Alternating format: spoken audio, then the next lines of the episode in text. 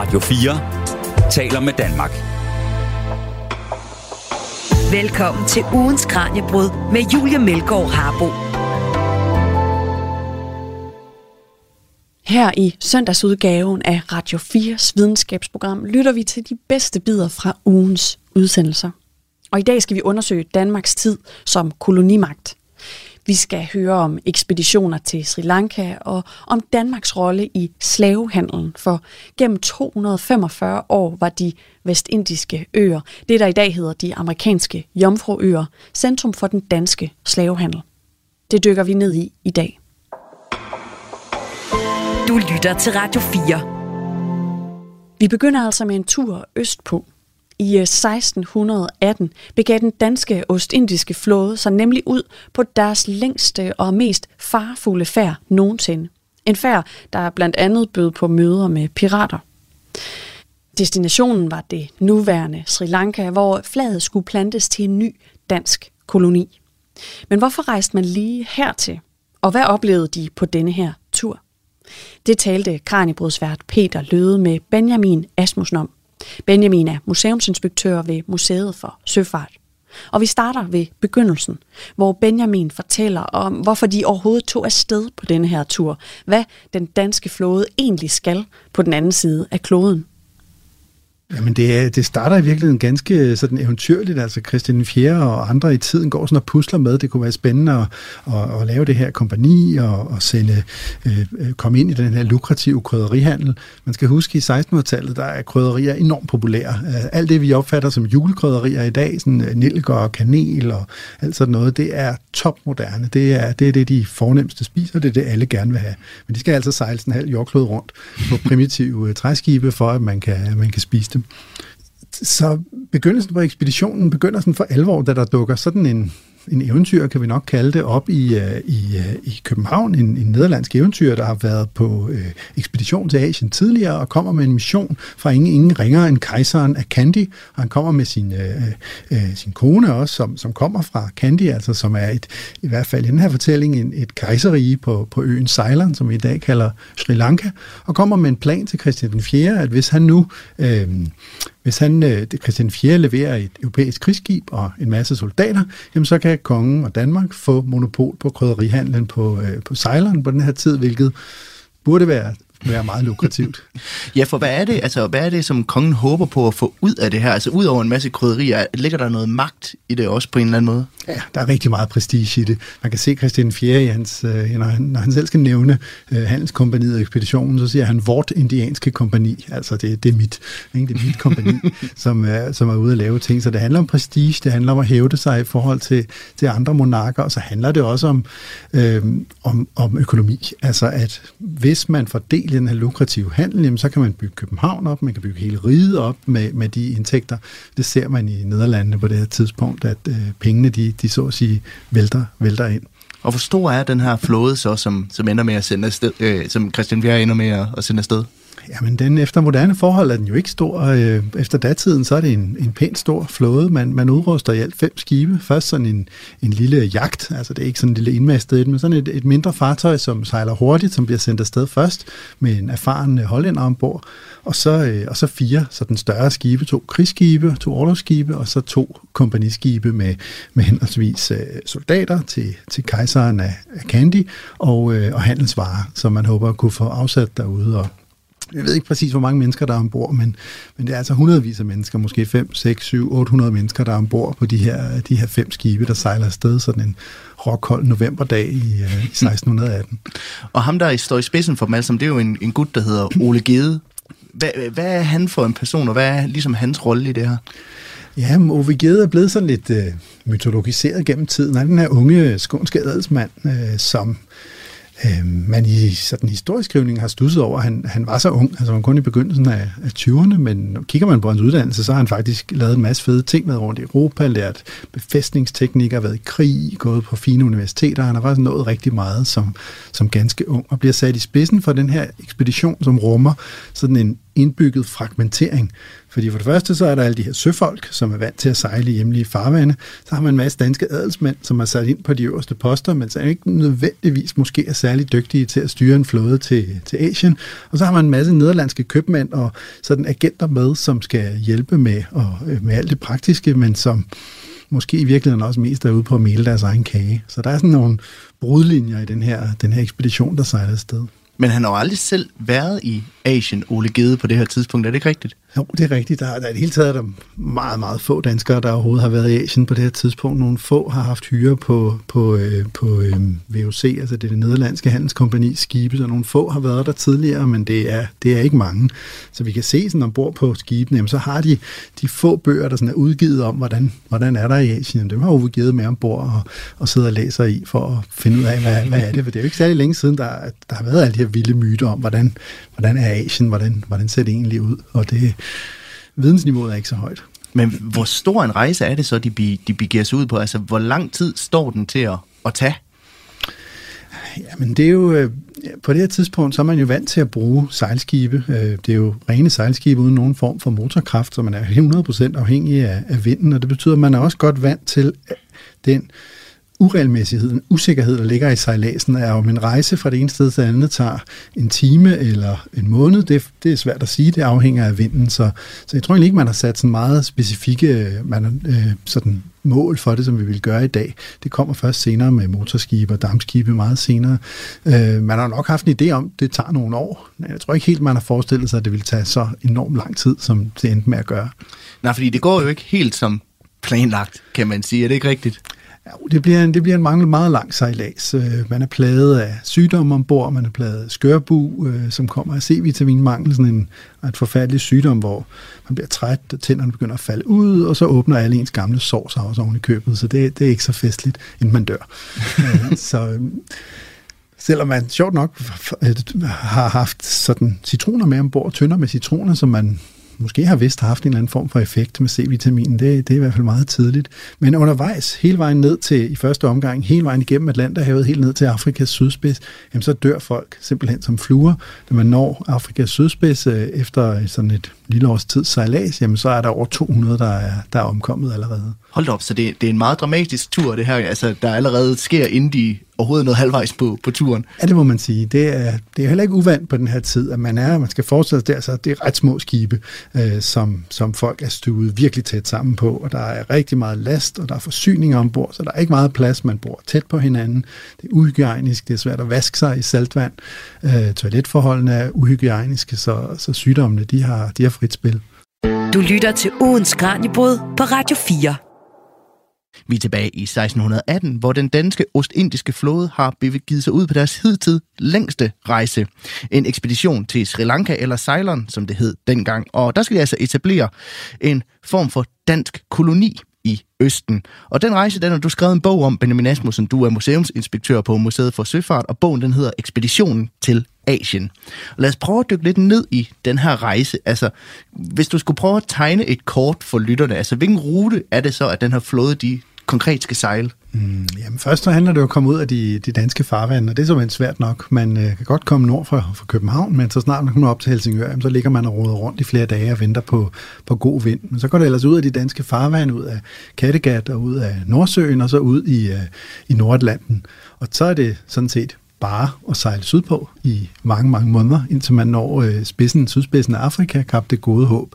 Og der er typisk nogle steder, man øh, i hvert fald i den senere tid godt kan lide at, lige at, at tage ind for at hente ferskvand. Der er jo nogle øer på vejen, øh, de kanariske øer, Madeira, Kap Verde-øerne, hvor man kan være heldig at få, få friske forsyninger. Så, øh, så man laver sådan nogle stop undervejs, øh, inden man øh, kommer helt ned til øh, så langt sydpå, man, man skal. Og øh, der sker jo lidt af hvert på den her færd, kan man vist sige. Vi har sammen udvalgt nogle nedslag, som vi skal forbi. Og vi har jo allerede været inde på, at øh, jamen, sygdom var en, var en fast ting ombord. Men som jeg nævnte i starten af programmet, så er der jo blandt andet også en fortælling om pirateri. Og det er jo faktisk den, som du indleder din bog med. Altså, hvad er det for en scene, der udspiller sig nede ved Kap Verde ud fra Afrikas kyst? Jamen, det er nærmest en scene, som kunne være taget ud af en af Pirates of the Caribbean-filmene, hvis de ellers havde øh, haft et dansk forbillede. øh, fordi Altså, det, kan man sige, der er mange man er godt klar over fra ekspeditionens ledelse af det her farvand sådan, øh, omkring, øh, omkring Senegal, øh, Kap Verde halvøen og Kap Verde øerne, som er to forskellige ting, at, at der er, der er hyppige, hyppige pirater, fordi der kommer skibene fra, fra Østen hjem igen med, med rige laster, så, så der er noget at komme efter. Så man er lidt sådan i tvivl i ekspeditionen, gemmer sig der nogle piratskibe, som man sådan lister afsted med et af skibene for lige at se, og sjovt nok kan man se ind i en bugt lidt forud, jamen der ligger faktisk nogle skibe, som, som man synes ser temmelig piratagtige ud. Så øh, man, man beslutter sig for at lokke dem i baghold. Øh, ved den næste dag, så, så sejler et af, af de danske handelsskibe øh, øh, ud i bugten her, øh, men alt er forberedt. Så det øjeblik, piratskibene ser det her danske skib og begynder at angribe det for at erobre det, jamen så kommer alle de andre skibene susende, de har simpelthen øh, det er et baghold. Klar. Ja, det er simpelthen et baghold, og så følger der en kort og sådan rimelig intensiv kamp, hvor øh, de her tre piratskibe, som de i hvert fald bliver beskrevet i, i danske kilder, de øh, et går på grund og øh, går til, springer i luften, og to bliver, øh, bliver erobret af, af, af, af af den danske styrke. Så det er sådan et ret dramatisk øh, forløb. De fleste af piraterne de kommer med ombord på flåden som, øh, som, som nye søfolk, men øh, kaptajnen han bliver altså lagt i, i jern. Så de bliver, de bliver simpelthen en del af den danske flåde, de her, de her pirater? Ja, ja, det kan man sige. Så pludselig har man et par skibe mere, det er jo ikke så dårligt, og lidt ekstra søfolk, og det, det kan man jo altid godt bruge, fordi sådan nogle øh, veludrustede europæiske skibe, masser af kanoner, de er i høj kurs i Asien. Øh, de, er, de er stærke som kampmidler, magtmidler, som magtmidler, på mange måder stærkere end mange af de fleste asiatiske skibe på det her tidspunkt, så de er, de er guld værd så, så langt hjemmefra. Det er noget af det interessante ved den her mm. hændelse, det er jo, at, at vi kender primært til den gennem Ove Gede, altså ekspeditionslederens beretninger hjem. Og han er jo ikke i tvivl om, at det her er piratskibe, som er ondskabsfulde, og han angriber dem, og han tager dem i kongens navn, og det er jo vældig godt.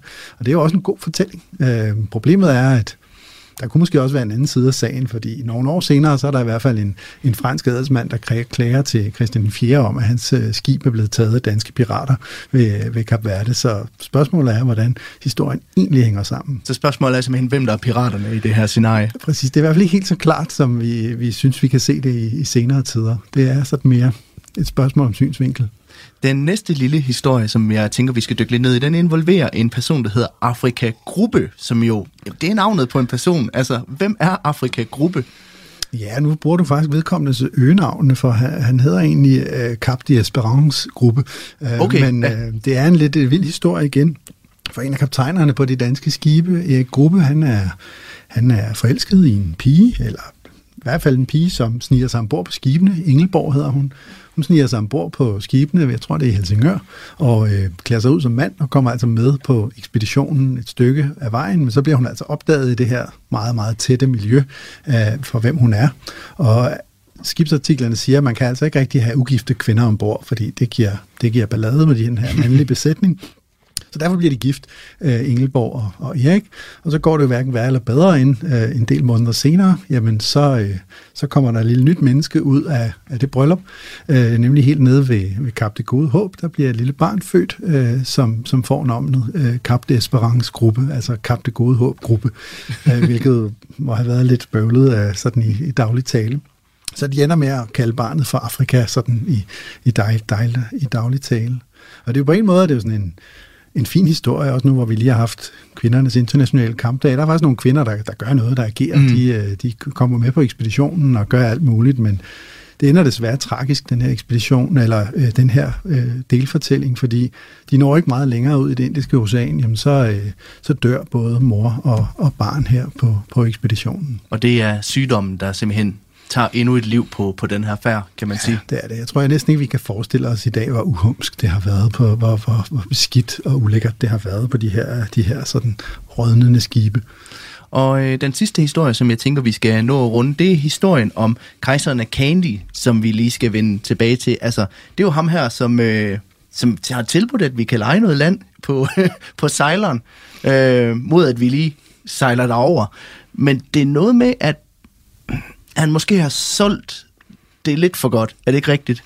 Og det er, en, det er en lidt kompliceret historie, fordi, øh, kan man sige, fra, fra han sådan sandsynligvis sender sin agent afsted til Europa, og til man faktisk ankommer, så er der gået sådan en 5-6 år. Øh, så der er, der, der er sket en hel del i mellemtiden. Så spørgsmålet er selvfølgelig, hvor, hvor oprigtigt har han ment det her? Har det været sådan et ærligt tilbud fra en position, man kunne regne med, eller har det været fodboldfiduser? Det er noget, historikere har talt meget længe om. Der har tidligere været en sådan konsensus om, at det her, det var, det var snyd og bedrag. Det var Christian 4., der var dum. Man kunne ikke finde ud af noget i Danmark, og alligevel så hoppede man på det. Øhm, men jeg synes blandt sådan nyere historikere, så er der begyndt sådan at være en, komme en ny konsensus om, måske er det ikke så, måske var det faktisk ærligt ment, det her tilbud. Selvfølgelig er der altid lidt, mm. lidt, lidt sådan uhensigtsmæssighed, og sådan, men, men at det faktisk var oprigtigt ment det her, og at, øh, at, at tilbuddet havde stået ved magt, hvis man var nået frem lidt tidligere. For da man så når frem, jamen, så er den krig, som, som kejseren der ville have hjælp til, jamen den er sådan set slut. Han har tabt og sluttet fred med portugiserne, som også er der, og han er ikke øh, kejser, han er i virkeligheden bare konge af et område af, af Ceylon, så, så det ender sådan, det, det siver sådan lidt ud i sandet. Det bliver heller ikke bedre af, at det skib med soldaterne ombord, det bliver sådan set væk øh, i et stykke tid. Altså på, det danske skib forsvinder? Ja, det, det bliver væk, men så heldigvis så finder det sådan en vej tilbage. Men der er lige sådan en kort periode, hvor sådan, åh oh, nej, hvor, det, hvor, hvor, hvor blev det skib af? det var det, vi havde lovet. Og, ja, præcis, ja, det var lidt noget mas, men... Øh, men de når altså frem, de, de fleste af skibene, og, øh, og så står man der, hvad, hvad gør man så? Fordi tilbuddet gælder ikke rigtigt. Man havde regnet med at få en masse penge og nogle laster, så man kunne sejle hjem igen mod skibet og soldaterne, men det, det holder sig ikke længere.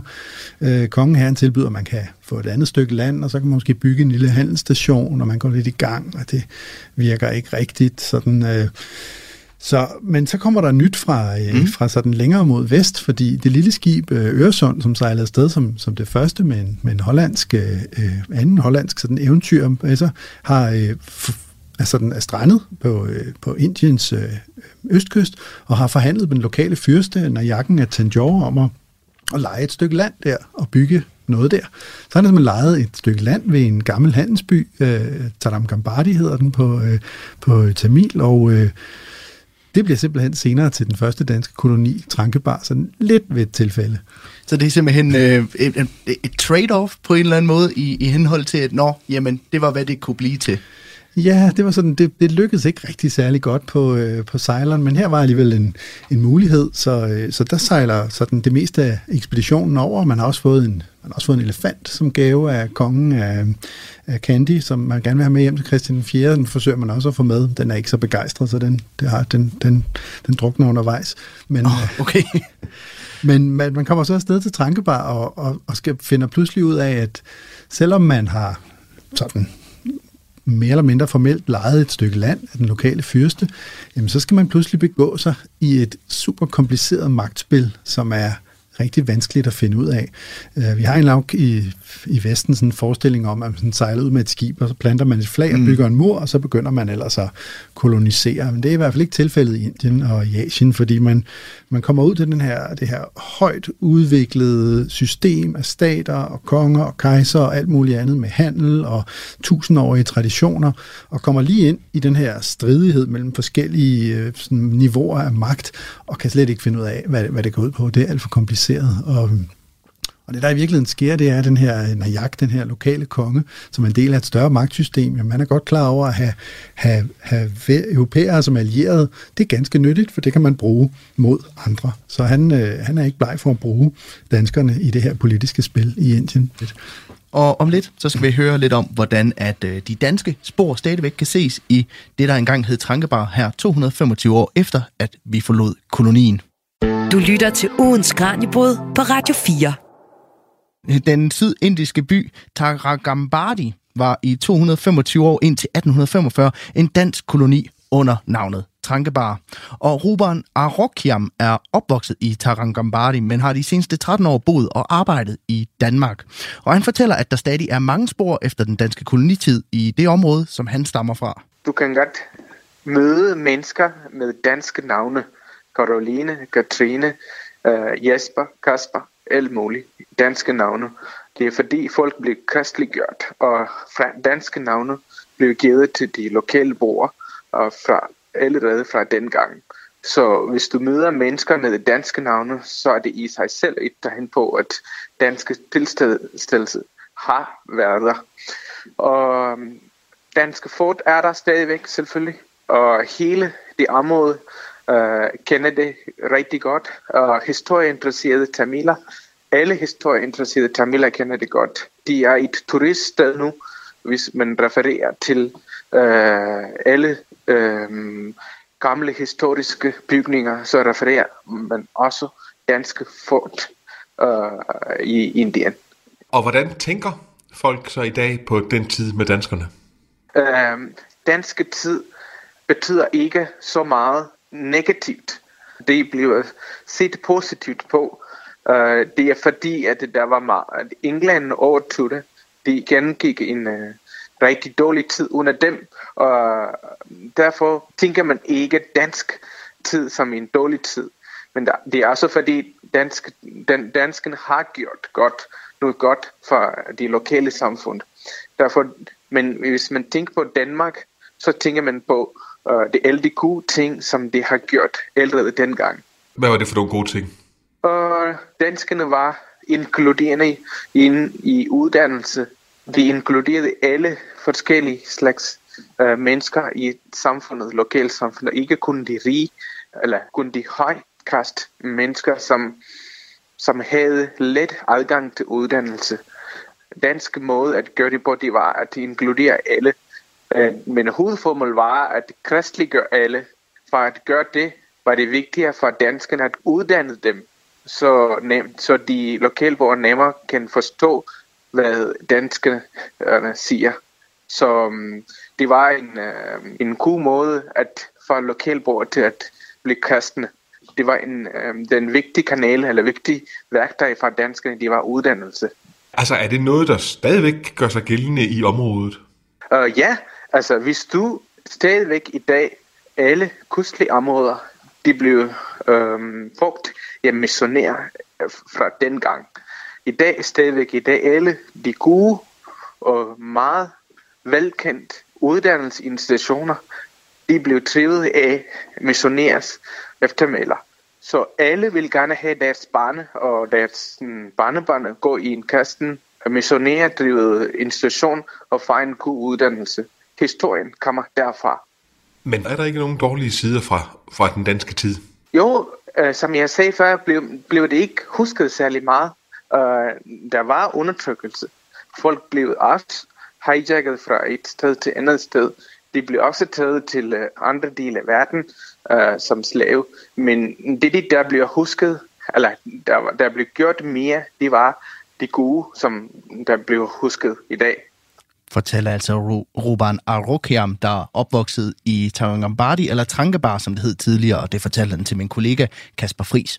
Og Ruban Arokiam har boet i Danmark i 13 år, og her har han stusset over en lille ting i forhold til den danske kolonihistorie. De fleste danskere, som jeg har mødt, er ikke bekendt med Trankebar. Det er lidt interessant. Næsten alle danskere er klar over, at Danmark også har kolonitid. Danmark har været kolonimagthaver. Men danske kolonitid starter hos os. Jeg har undret mig over, at fleste danskere ikke kender til, at deres kolonihistorie starter hos os. Og øhm, det har været øh, en tankevækkende ting for mig. Har du spekuleret på, hvorfor det er sådan? Det kan godt være, at flest danskerne husker bedre danske tid i Vestindies øer, men øh, det er derfor, at øh, de tænker, at de ikke har været derover. Plus, øh, jeg er ikke sikker på, at der bliver undervist tilstrækkeligt nok om danske øh, kolonihistorier til barn i folkeskole. Jeg må ikke sige, at det ikke bliver gjort, men, men jeg er ikke sikker på, at de bliver gjort. Hvis de var det, så er det i hvert fald de fleste vil huske det. Så når du siger, hvis du møder nogle danskere, øh, og fortæller dem, at du kommer fra Trankebar, så er der ikke rigtig nogen, der ved, hvad det er for noget. Nej, det er en lille smule mærkeligt at tale om det, øh, det er fordi jeg skulle selv forklare, at jeg har en forbindelse øh, med jer, eller med danskerne, når jeg taler med dem. Det er fordi, jeg har en eller anden forventning om, som jeg kalder legitim forventning om, at herboende danskere husker deres egne historier men det er det ikke i fleste tilfælde. Så du husker den danske historie bedre end dem? Øh, ja, ja, hvert fald her. Ja. Det, det er fordi, det betyder rigtig meget for mig, end det betyder for danskerne om, om, om deres tid i Trankobar. Du lytter til ugens Kranjebrud på Radio 4. Det fortalte Benjamin Asmussen, museumsinspektør ved Museet for Søfart.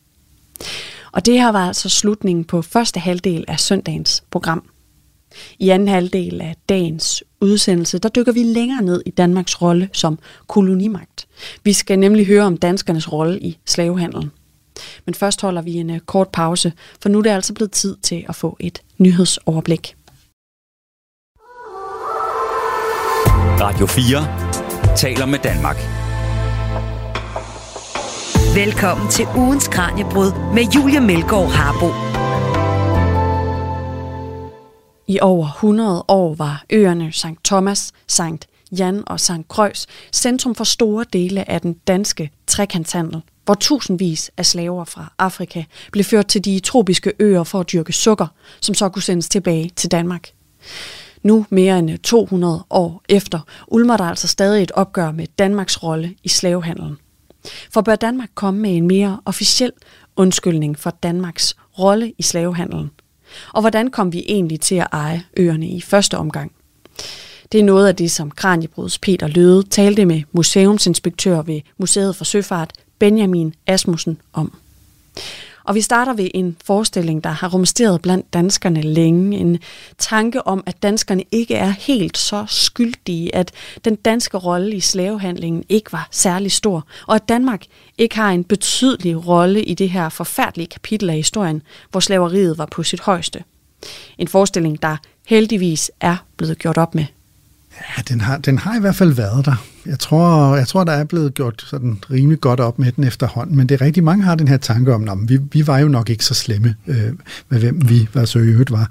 Øh, at, at der var sådan en mere mild øh, dansk kolonialisme, men kigger man på, på kilderne øh, til både sådan Asien og, og Atlanterhavet, jamen så er der ikke rigtig noget, der tyder på det, øh, at man opførte sig sådan væsentligt anderledes end så mange andre. Ofte så havde man ikke så store magtmidler, så man kunne ikke opføre sig helt så voldsomt øh, og brutalt, som, som andre kunne, men jeg tror egentlig ikke, det var viljen, der manglede. Det var snarere midlerne øh, til det. Og på Søfartsmuseet, der formidler jo en stor del af, af den her historie. Altså, hvorfor er den så vigtig at få med, og hvorfor er det så vigtigt at få alle de her nuancer med i den her fortælling også? Det er det, fordi det er en, det er en, det er en kompleks historie, som har, har virkelig øh, lange spor op til i dag. Spor, som vi måske i, i de seneste år er begyndt at få øjnene endnu mere op for, hvor, hvor tydelige de her spor er, selvom vi øh, under tiden fra dansk side kan sådan sige, men det er jo også længe siden, og hvad betyder det i dag og sådan noget, jamen så er der andre, der har, der har andre holdninger, som, hvor, hvor den her historie stadig, øh, stadig betyder noget. Og endelig så, så er der også sådan en, synes jeg, sådan en som historiker, som, som jeg er, så er der sådan en, måske virkelig sådan en pligtfølelse til alle de her ting, der er foregået i fortiden. Vi, vi bliver simpelthen nødt til at fortælle om det. Det skylder vi de her mennesker, det, det går ud over. Vi bliver nødt, nødt til at blive ved med at tale om det. Også selvom enkelte stemmer i debatten kan sige, nej, lad os lade være at tale om det, lad os glemme det, lad os lægge det bag os, så, så, så tror jeg ikke, det er den rette vej øh, frem. Vi bliver, nødt til at, vi bliver nødt til at tale om det. Ja, for hvad er den største sådan, udfordring i at, i at formidle og fortælle den her historie, men også at forholde sig til den, fordi det er jo til tider en ret mørk fortælling, kan man sige. Ja, altså som, som, som historiker og museumsmenneske, så, så er det, et, udover det er en interessant historie, som er vigtig at fortælle, så er det også lidt et minefelt, fordi der, mm. er, øh, der er sådan ret markante positioner i øh, debatten. Nogle er meget øh, aktive inden for, hvordan skal det her fortælles på den helt rigtige måde. Andre går meget op i, at, at ting skal forblive det samme, sproget skal forblive det samme, måden vi taler om fortiden på skal ikke, skal ikke ændre sig. Der står vi så som museumsmennesker og ser, hvordan finder vi nu en vej igennem det her, hvor vi øh, både, sådan kan man sige, respekterer, at historien udvikler sig. Der, skal man, der er det vigtigt at, at sondre mellem fortid og historie. Fortiden, det var det, der skete. Mm. Der skete et eller andet, og det er slut, det er væk. Vi kan ikke aldrig nå tilbage til det. Historien, det er, når vi fortæller om det. Når du og jeg står og taler om noget, så skaber vi historie, som er mennesker i nutiden, der, der, der skaber fortællinger baseret på et eller andet fra fortiden, som regel for at fremme vores, vores egne mål eller, eller dagsordner. Så på den måde, fortiden, den er jo konstant. Der skete det, der skete engang. Mens historien, altså den måde, vi taler om det på, den bliver hele tiden genskabt i, mellem mennesker. Så på den måde kan man sige, at historien, den er jo den er bevægelig. Og det kan vi også se, når vi, nu er vi over 100 år gamle som museum, når vi kigger tilbage på, hvad, hvad gjorde vores forgængere tidligere, så kan vi godt se, at de fortalte historien på en anden måde, end, end vi gør det i dag. Ja, for hvilke forandringer kan I se, der har været gennem tiden i, i den måde, vi har genfortalt den? Jamen, øh, en af de helt store forandringer sådan i den seneste tid, det er, det er sådan i virkeligheden blikket Mm. Hvem er det, der agerer i den her handel? Mange af de kilder, vi har som, som søfartshistorikere, det er sådan kaptajner, der gør et eller andet. Det er rædderier, der, der gør et eller andet. Handelskompanier, de, de gør et eller andet. Og det, det er tit de eneste kilder, vi har. Så derfor er det ret nemt, når man, når man, eller ret oplagt, når man formidler et eller andet, at så tage det perspektiv også, for det er der, vi har kilderne. Øh, og så, så, får man, så, så skriver man måske en tekst om, at øh, kaptajn Jensen, han lastede 200 slaver ombord på sit skib. Og det er jo ikke, mm. fordi det er forkert i sig selv. Det, det gjorde han jo. Men noget af det, der, der, der sker lige nu, det er, at vi, vi, vi hele tiden begynder at stille os selv spørgsmålet, hvad sker der, hvis vi lige drejer perspektivet en gang? Hvad ser vi, hvis det nu ikke er kaptajn Jensen, der er interessant, men hvis du nu i stedet for er et af de mennesker, som bliver tvunget til at være slave og komme ombord, så får vi måske en anden udstillingstekst, der hedder 200 mennesker blev gjort til slaver, blev slavegjorte og blev tvunget ombord på skibene, hvoraf øh, en stor procentdel ikke overlevede rejsen, inden de skulle arbejde sig ihjel på øerne. Altså der er sådan en, to tekster, der egentlig grundlæggende siger det samme, men synsvinklen er anderledes, hvilke øjne vi ser ud af. Og øh, det tror jeg betyder noget. Så den måde, vi formidler den her historie på, altså ind, det er inde i en udvikling på en eller anden måde. Altså hvad er det, vi bevæger os hen imod? Vi begynder at bevæge os nok i retning af en, en erkendelse af, at det blik, som vi, vi anlægger som museum, og på en måde også giver videre til, til vores, øh, vores gæster, jamen det betyder faktisk noget. Det er ikke kun sådan, om oplysningerne nu er korrekte eller ikke korrekte. Det er også den vinkel, vi anlægger. Hvem er det, hvis øjne ser vi historien ud fra? Og det, det er ikke, fordi vi, vi har fuldstændig frie tøjler, fordi nogle, nogle ting er der ikke kilder til. Men øh, det, det er rigtig godt at spørge sig selv, når man formidler en, en, en historisk fortælling. Kan, kan jeg fortælle det ud fra nogle andre øjne, og hvad, hvad sker der så? Du lytter til ugens Kranjebrud på Radio 4.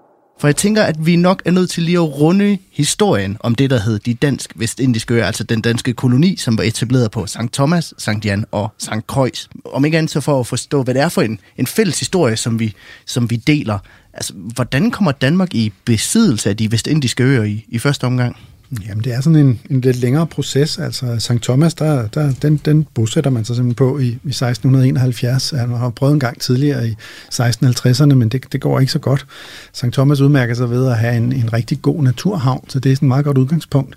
Øh, men landbrugsjorden, den bliver, den bliver hurtigt udpint, så man havde også brug for mere, så man tog også naboøen St. Jan i besiddelse i 1718, altså 50 år senere.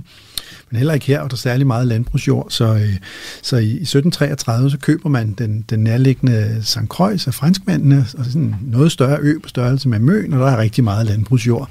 Og det er her, kan man sige, ved købet af St. Croix af kan man sige, sukkerproduktionen virkelig kommer op i gear. Fordi de her øer er jo ikke bare øh, købt og erhvervet, fordi man, man, man synes, det lyder dejligt med nogle smukke tropeøer. Det er simpelthen for at producere nogle af de varer, som produceres bedst der, nemlig sukker og i mindre grad tobak.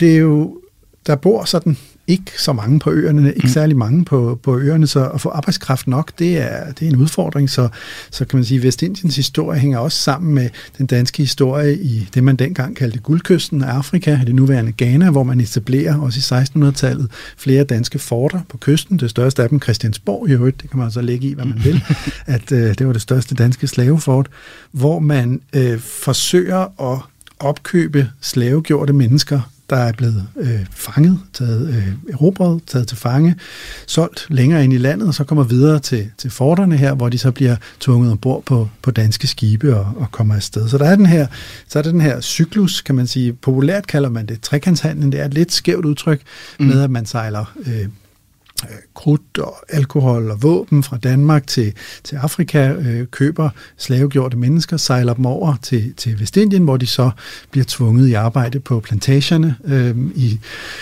den gennemsnitlige, den gennemsnitlige slavegjorte på i Vestindien lever omkring syv år fra ankomst til, til død, så det er altså modbydelige vilkår, som man bliver budt, men alt sammen for at producere sukkeret og i mindre grad tobak, som så kommer tilbage til i første omgang København, og siden der også en række øh, provinsbyer. Aarhus Vestindiske Selskab bliver stiftet i, i 1700-tallet. Øhm, så, men med tiden så, så skifter det fra, at, at skibene sådan sejler den her trekanthandel til, at de fleste de foretrækker at sejle direkte til Vestindien, hente sukker, for det er der, man kan tjene penge. Mm. Selve handlen med mennesker, den er ikke i sig selv profitabel, den giver gerne underskud, men handlen med produkterne, altså sukker og tobakken, giver kæmpestore, øh, kæmpestore overskud. Så kolonien i Vestindien var afhængig af, at man simpelthen importerede den her slavearbejdskraft fra, fra Afrika, for at den overhovedet kunne, kunne fungere? Ja, øh, sukkerproduktionen er meget sådan øh, øh, personaleintensiv. Der skal bruges en masse mennesker til at, at, at plante og høste og forarbejde sukkerrørene, så, så det var simpelthen nødvendigt, og det kan man sige, det med, med moderne øjne det er lidt, øh, lidt voldsomt, men, men prisen på land var rimelig lav. Det var ikke så dyrt at købe en plantage, men prisen på de mennesker, der skulle bruges til at forarbejde jorden, den var, den var rigtig dyr. Altså en, øh, jorden kunne måske købes for nogle hundrede ristaler, men en plantage skulle man altså bruge 20, 30, 50 øh, slavegjorte mennesker, og øh, de, de kunne altså det kunne tit koste måske 200 rigsdaler stykket, så det er der den store, den store udgift, øh, den ligger i de her øh, mennesker. Hvordan var livet så som slave? Nu snakker vi om, at de, de gennemsnit levede syv år. Altså, hvad, hvad var det for nogle forhold, som de levede under? Jamen, det kan vi, det kan vi næsten ikke forestille os i dag, fordi øh, kan man sige, institutionen med slaveri er, er, var gammel i Afrika allerede, da, da europæerne ankom, og vi kan man sige, kender den jo også fra Europa, hvor der også var slaver i Danmark op til sådan middelalderen engang, sådan cirka. Men det der, var, det, der var nyt, det var, det var omfanget, og så var det det at blive tvunget over havet på de her europæiske skibe. Så, så kan man sige, redslerne starter allerede i Afrika, hvor man jo ikke, mange af de her øh, mennesker, de ved ikke, hvad der skal ske. De har de her idéer om, at de skal slås ihjel, de skal bruges til at lave øh, læder af, de skal alle mulige vilde ting, øh, øh, og i virkeligheden er i virkeligheden ikke særlig meget bedre.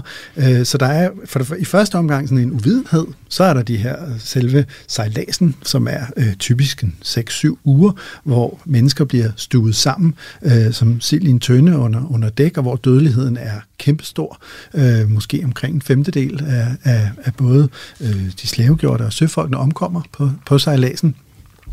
Øh, derefter så, så bliver øh, øh, når kommer slaverne i land, bliver solgt på auktioner og øh, bliver så sat i arbejde på plantager og med håndværk og meget andet. Og for mange af dem, jamen, så er det sådan en gennemsnitslevealder på syv år, inden det, det hårde arbejde slår dem ihjel. Det vil sige, at vi har altså nogle mennesker, som både bliver frataget deres frihed, øh, de bliver også frataget deres liv, på længere sigt. De bliver også frataget deres navne og deres identitet. Fra dansk side sørger man tit for at blande folk fra de forskellige øh, samfund, der så man ikke kunne tale sammen, man altså ikke havde et fælles sprog. Øh, man bliver frataget sit navn, får et nyt navn, øh, typisk en... Øh, opkaldt efter en helgen eller en ugedag eller et eller andet, mm. øh, sådan standardnavn. Og øh, bliver altså også frataget både øh, ud over friheden, navnene, identiteten, jamen så bliver man også frataget retten til i virkeligheden at få børn og, og, og, og have en, en efterslægt, fordi mange dør så hurtigt. Så ikke nok med, at de her mennesker bliver udsat for alle de her ting undervejs, jamen de får ikke engang børn, kan man sige, der kan, der kan bringe det videre. Det er simpelthen mennesker, der bliver slettet fuldstændig fra, fra historien. Og hvor omfattende var den her handel med mennesker og den her danske slavetransport øh, til, til Vestindien? Jamen, slavehandlen under Dannebro, den var, den var væsentlig. Så sådan, øh, historikere har i mange år diskuteret, hvor mange, hvor mange mennesker drejer det sig egentlig om, og sådan konsensus for øjeblikket er omkring 110.000 mennesker er blevet tvunget over havet under, under Dannebro, så det er, jo, det er jo ret mange mennesker, hvor man siger, at de fleste, de er altså, de er bare forsvundet. Så man kan godt tillade sig at sige, at Danmark er en, en kolonimagt på, på samme måde, som, som England og, og Frankrig er det. Ja, det kan man sagtens. Altså Danmark er en fuldt ud ligeværdig øh, deltager i det her store øh, koloni, øh, øh, sådan imperiespil, som der foregår mellem, øh, mellem magterne. Det, det bliver ikke så stort som, som mange af de andre, men, men det virker ikke som om, det er viljen, der mangler. Så hvis vi skal prøve at at besvare det spørgsmål, som jeg stillede i, i starten af det her segment af program. Altså, hvad er det så for en fælles fortid, som vi deler her i Danmark med, med dem, der bor nu om dagen på St. Thomas og St. Jan og St. Croix? Jamen, der ligger den her øh, forfærdelige historie, som bliver ved at trække skygger op til i dag, ikke? at øh, det, det, nogle gange kan det godt være lidt forstemmende at se sådan nogle rejsebyråer, som, mm. som fortæller om leje de smukke trobøger og de fine huse, og se, at der er danske gadenavne, hvor er det fint. Øh, fordi det er jo selvfølgelig meget sjovt, men det, det virkelig vigtige er jo den her, den her fælles historie her. Der har nogle mennesker ejet nogle andre mennesker. Øh, og det har også været en meget ujævn historie, altså antallet af, kan man sige, øh, frie på øerne, især danskere, men også andre europæere, var måske 10 procent af antallet af ufrie på, på øerne. Så det har også været sådan en, det har været en, den ene store del af befolkningen, de har sådan levet undertrykt under forfærdelige forhold, og den anden har i virkeligheden også levet sådan utrygt. At der er hele tiden den her frygt mm. for oprør, for modstand. Fra, fordi, og det er derfor, jeg egentlig godt kan lide ordet slavegjort, som øh, nogle mennesker i dag ikke bryder sig så meget om, men foretrækker det andet, det ældre slave. Øh, slavegjort kommer egentlig fra engelsk, hvor man siger en slave, der er det sådan lidt mere mundret, men det, der er rigtig interessant ved ordet slavegjort, det er, at, at det implicerer en aktiv handling. Det er ikke noget, man er, sådan som øh, man er rødhåret eller et eller andet. Det er noget, nogle andre gør en til. Der er altså sådan en en kontinuerlig voldshandling indbygget i det her, og så følger der jo, som det er jo også, at hvis man har en slave gjort, så har man mm. virkelig også en slave gør. Altså der er nogen, der kontinuerligt opretholder det her voldsforhold, og det synes jeg egentlig er, er meget godt at, at, at tænke over, fordi det er, der er foregår sådan en aktiv vold hele, hele den her periode, frem til, i hvert fald frem til slaveriets ophør. Du lytter til ugens Kranjebrud på Radio 4 der var der altså mange, der havde spekuleret i, hvorvidt at statsministeren ville gå ud og direkte sige undskyld for Danmarks rolle i trekanthandel og som kolonimagt. Men det skete altså ikke. Der kom ikke nogen direkte undskyldning i hvert fald, hvilket fik debatten om, hvorvidt man rent faktisk skulle undskylde for det her til at blusse op igen. Og det er præcis den her debat, som jeg tænker, vi skal undersøge lidt nærmere nu. Altså måske skal vi lige starte med at udpensle helt konkret. Altså hvad er det, man mener, at Danmark skal sige undskyld for? Jamen det er, det er jo i virkeligheden sådan en lang, øh, lang debat. Sådan, hvad, hvad, hvad skal man undskylde for? Hvem kan man undskylde til? Og det er sådan en debat, vi har fulgt meget på, på Museet for Søfart, for det, er jo, det trækker jo tråde både frem og tilbage. Øhm, og i Danmark har der jo været sådan en tidligere i hvert fald sådan en, i diskussionen en konsensus om, at det gav, det gav ikke mening for folk, der ikke har holdt slaver, til at undskylde til mennesker, der ikke har været slaver. Det har været sådan en, et, hyppigt, øh, et hyppigt argument. Det var øh, udenrigs, den gamle udenrigsminister øh, Niels Helve Petersen har fremført det blandt andet, og fandt en, virkede som om en god klangbund hos, hos mange mennesker. Men det er som om, den her debat om undskyldninger, sådan, den dukker op som sådan en sinuskurve. Den kommer sådan dukker op hver andet år eller sådan noget, så kommer den, så kommer den igen. Øh, den, den har også udviklet sig øh, over tid til, at det måske ikke handler om direkte menneske til menneske. Det er ikke min individuelle mm. skyld over for et andet menneske. Det er snarere et samfundsmæssigt, nærmest politisk aspekt. Øh, af, og, og, og det fører jo til det ret interessante spørgsmål, hvad er egentlig kan man sige, slaveriet, slavehandens arv i dag. Hvad er det, der, så at sige, øh, med lidt kolde, kyniske briller kom, kom ud af alt det her? Hvad er, mm. det, hvad er det, der har sat sig spor, og hvad er det, det giver mening at, at tale om? Det kan vi lige vende tilbage til.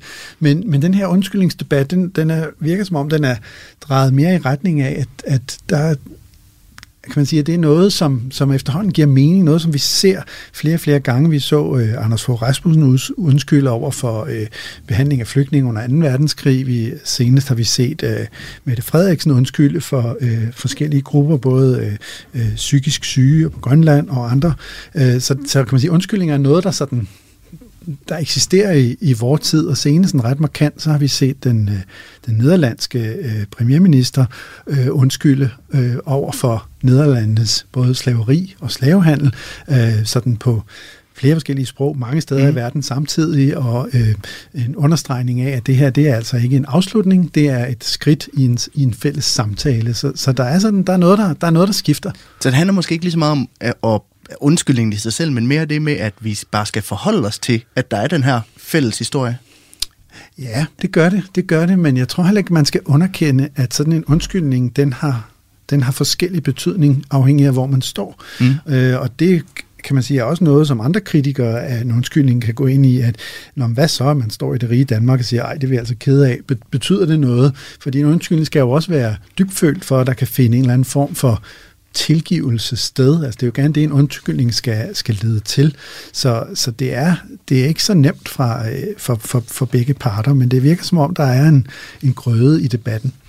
Men altså, nu nævnte du før, at, at Holland jo har været ude og sige undskyld for deres rolle i, i, i det her. Altså, hvordan har man set generelt set øh, internationalt, at der er blevet sagt undskyld og taget ansvar for, for de her handlinger?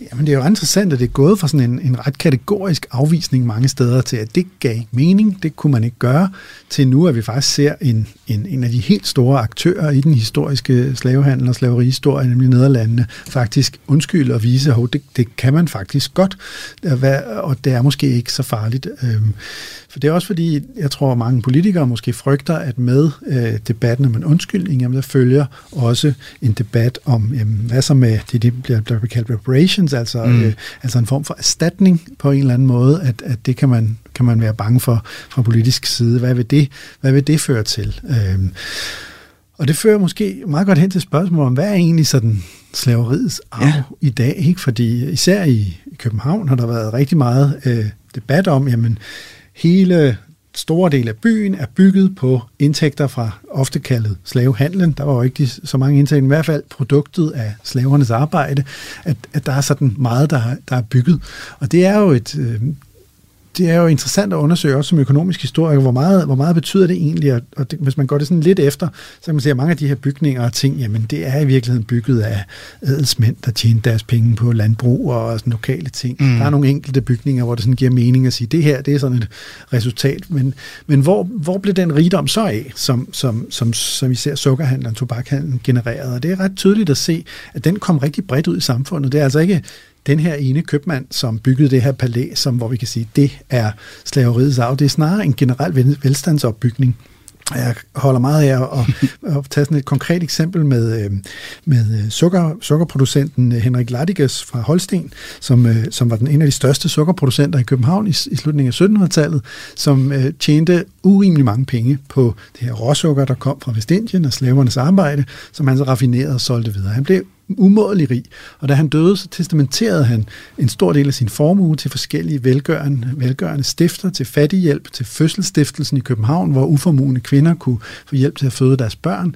Og altså på en måde var med til at bygge velstand og helbredet op i hele samfundet. Det er sådan personligt på en eller anden måde, så den føler mig lidt mm. øh, i taknemmelighedsgæld til, fordi øh, ikke mange år efter han havde gjort det, jamen, så kom min egen øh, tiboldemor ind på fødselsstiftelsen og fødte øh, min oldefar. Det gik jo heldigvis godt, hvilket jeg er glad for, men, men måske er det i virkeligheden der, at noget af, af, den, ja. her, af den her arv fra, fra slaveriet, øh, den, den befinder sig, at det er sådan en generel velstandsopbygning. Og derfor kan man måske godt argumentere for, at vi som, som land, som samfund, har en gæld, skylder nogen andre noget. Ikke menneske til menneske, men samfund til samfund. Ja, nu er vi det her med, med hvad kan man sige, slaveriets arv, og det her med, som ikke så meget, men, med, at man skal undskylde menneske til menneske, men mere fra samfund til samfund. Altså, hvad er det for et å, der ligger på dem, der bor på Vest, i Vestindien nu om dagen? Altså, hvad er det, vi har efterladt dem med? Jamen, øhm, kan man sige, øerne blev, blev solgt i, i 1917 som en del af sådan en større storpolitisk øh, øh, affære, øh, hvor man selvfølgelig fik nogle nogle penge for det, men man fik også den øh, ret væsentlige øh, øh, kan man sige, effekt, at USA anerkendte de danske krav på Grønland, som ikke var sådan helt mm. sikre på det tidspunkt. Og det, der så skete på, på, på Virgin Island, som det kom til at hedde efter 1917, jamen det var jo, at den her kolonistatus, den sådan set bare fortsatte, og de øh, områder er i dag det, man kalder et øh, incorporated territory, altså det er sådan ikke en stat, eller en del af en stat, det er sådan et, en, en form for koloni stadigvæk. Et af de få områder i verden, der stadig er en koloni. Øh, og samtidig er det et et af de fattigste steder i, i USA, øhm, som kan man sige til dels hænger sammen med, med fortiden under, under Dannebro. Så, så kan man sige, der er, samtidig med at vi har et, et Danmark, som er et af de rigeste lande i mm. verden, så der er den her ulighed, som kan man sige til dels øh, er et resultat af, af den her fælles historie. Og nu taler vi om det her med, at der ligesom er to versioner af historien. Der er vores version, altså den, man fortæller, og der er måske ikke nogen af dem, der er helt rigtige eller helt forkerte. Men vi ser også rundt omkring i verden, at statuer af for eksempel slaveejere eller kolonialister bliver revet ned og ødelagt for, som et opgør med det her. Altså, er det det, der skal til, eller kan vi godt bevare vores side af fortællingen, uden at negligere den anden del af fortællingen? Jamen, det er også et, øh, det er også et rigtig spændende aspekt. Det er jo sådan noget, der har der stammer fra USA, den her idé med at kaste et nyt kritisk blik på statuer, som jo er den her lidt pussy ting, hvor vi hedrer mennesker. Det er næsten altid mænd, øh, næsten altid hvide mænd, der bliver hedret for et eller andet øh, i bybilledet, og øh, der har vores kriterier for, hvem vi gerne vil hedre, jo nok ændret sig øh, lidt igennem tiden. Det mest markante eksempel så vi jo i, i Bristol for her for nogle år siden, hvor øh, den måske en af verdens allerstørste slavehandlere øh, øh var hedret med en statue i mm. bymidten, mm. fordi mange penge han tjente på at, at handle med slaver, de var blevet investeret i hospitaler og skoler og alle mulige nyttige ting, så i, øh, kan man sige, det gamle Bristol, der havde man en idé om, det var virkelig en, en velgør det her. Det var det jo selvfølgelig også sådan med de store skyklapper på, men samtidig var det altså en af verdens øh, største og værste slavehandlere. Og der så vi jo de her vilde scener, hvor efter i omkring 20 år, at aktivister i byen havde forsøgt, kunne man i det mindste sætte en tekst op og moderere fortælle om det her. Efter det ikke var lykkedes at få igennem byrådet, jamen, så er det sidste endte med, at statuen blev flået ned fra sin sokkel og, og, og røg i, i havnen ved siden af. Øh, siden da er den blevet fisket op og kan nu ses på byens øh, bymuseum, inklusiv øh, tang og vandplanter og sådan noget. Er på, set som fra en museumsvinkel, så er den jo næsten endnu mere interessant nu, fordi den, dens historie sådan fortsætter. Så der, der er sådan et nyt blik på statuer, og det er i virkeligheden heller ikke noget nyt, fordi øh, hvis man kigger rundt i det gamle Østeuropa, jamen, så er der jo ikke mange statuer af Lenin og Stalin tilbage, som der ellers stod over det hele før murens fald. Der er heller ikke mange Hitler-statuer tilbage i Tyskland. Øh, der er konstant sådan en, en, en, en udskiften af, hvem vi vælger at, at hedre i byrummet. Øh, så, så der sker, der sker også noget. I Danmark har det indtil videre været, været forholdsvis blidt. Vi har mm. haft en enkelt byste, gipsbyste, som er øh, øh, røget i vandet, men ellers så har det vist ikke været det store endnu. Du lytter til ugens Kranjebrud på Radio 4. Det fortalte Benjamin Asmussen, museumsinspektør ved Museet for Søfart. Og det var altså alt, hvad vi nåede i dag. Men du kan lytte til Kranjebrud her på kanalen igen i morgen og alle hverdage kl. 12.10. Hvis du har lyst til at lytte til endnu mere Kranjebrud, så kan du også altid gå på opdagelse i vores gamle programmer. Dem ligger der en uh, hel masse af, og du kan finde dem i din podcast-app eller på Radio 4's hjemmeside. Hvis du sidder derude og har en idé til et spændende emne, som du synes Kranjebrud burde dykke ned i, så kan du altid sende os en besked på kranjebrud radio4.dk. Jeg hedder Julie Melgaard Harbo, og programmet her er produceret af Videnslyd for Radio 4. Tak fordi du lyttede med.